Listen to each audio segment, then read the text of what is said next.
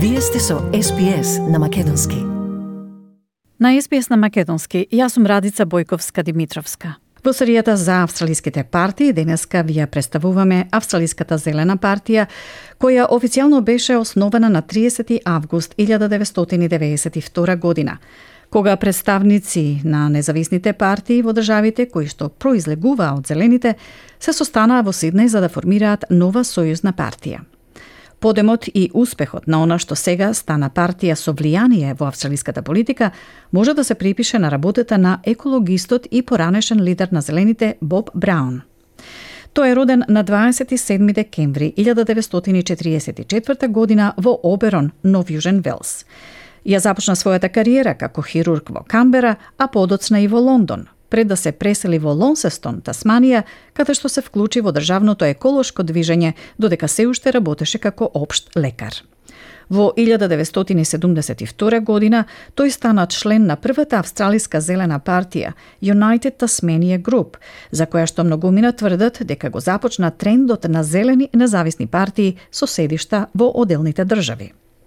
Државните партии на зелените во Австралија се здружија во 1992 година за да ја формираат Австралиската зелена партија на сојузно ниво.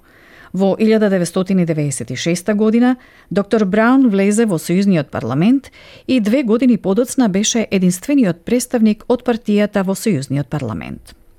И додека подемот на зелените е одраз и на подигнувањето на еколошката свест на гласачите и на политичката клима од раните две илјадити, Во последниве години се зголеми и поддршката на сојузно ниво. Доктор Питер Чен, виш предавач на катедрата за владини и меѓународни односи на Универзитетот во Сиднеј, појаснува дека поддршката на зелените е интересна, бидејќи под водството на Боб Браун на национално ниво, гласањето во Сенотот достигна 13 на 100, што пак опадна кога тој отиде во пензија на само 8,6% the support for the Greens is interesting because certainly you're right when you say that, um, particularly under the leadership of Bob Brown at the national level, uh, their Senate vote in the upper house reached 13%, and then it, it, it, declined when he retired. It went down to about 8.6%.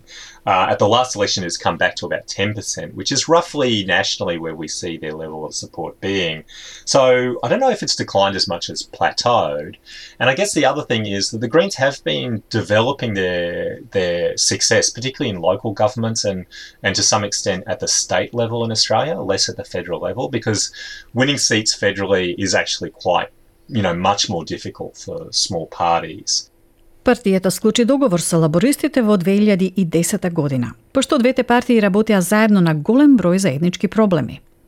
По 16 години во сојузната политика, начело на австралиските зелени, господин Браун поднесе оставка како лидер на партијата во април 2012 на половина од неговиот мандат. Тој го предаде раководството на пратеничката Кристин Мил, со која работеше заедно во првите денови на неговиот еколошки активизам во Тасманија – Многумина тврдеа дека тоа ќе биде крајот на зелените, аргумент што доктор Браун во тоа време го опиша како крајно неточен. This isn't the first time we've done this. I left the Tasmanian Parliament and she took on the leadership, and there were all sorts of dismal uh, proclamations about the end of the Greens. Well, look at us now. Uh, this party is set to grow. I remember well being in this Parliament uh, as the only Green a decade ago. Here we are now 10. Под водство на сенаторката Милн, зелените напредуваа.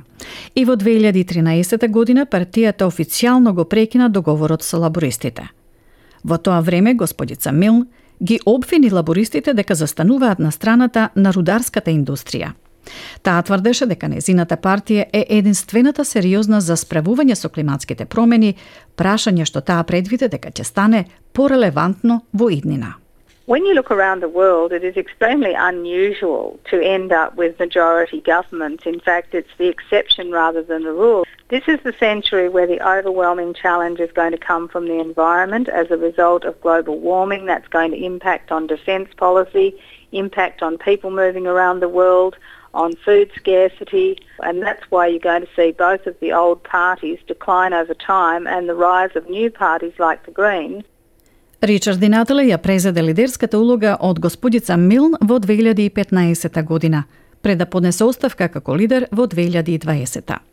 Адам Бент ја обнови својата кандидатура за лидерство веднаш по оставката на господин Динателе, станувајќи лидер во февруари 2020 Кон крајот на минатата година, господин Бенд рече дека на сојузните избори во 2022 година сакаат да ги исфрлат либералите, посочувајќи дека Скот Морисон е цитат ужасен за климата, а исто така има проблем и да ја кажува вистината. We want to kick the Liberals out. We think Scott Morrison has been terrible on um, climate and also has turbocharged inequality and has a, a serial problem with telling the truth and Uh, uh, he's got to go. The Liberals have got to go.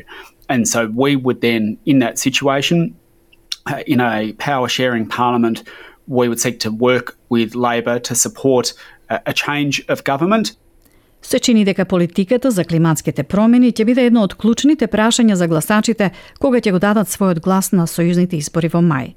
Но доктор Чен вели дека со тоа што сега загреженоста за животната средина не се гледа само како прашање на зелените, партијата ќе мора дополнително да го прошири својот фокус за да привлече гласови. Issues like climate change, you know, are really um, starting to become uh, much more of focus in public discussion and that they haven't been able to capitalize on that. Now, that might change, but also I think it shows you to some extent that some minor parties popularize ideas which are then taken up by major parties. And in a sense, that kind of neutralizes um, the minor party. Тоа беше доктор Чен, виш предавач на катедрата за владини и меѓународни односи на Универзитетот во Сиднеј, во прилогот на Пеги Джакомелос за SBS News. Стиснете, ми се допаѓа, споделете, коментирајте. Следете ја SBS на Македонски на Facebook.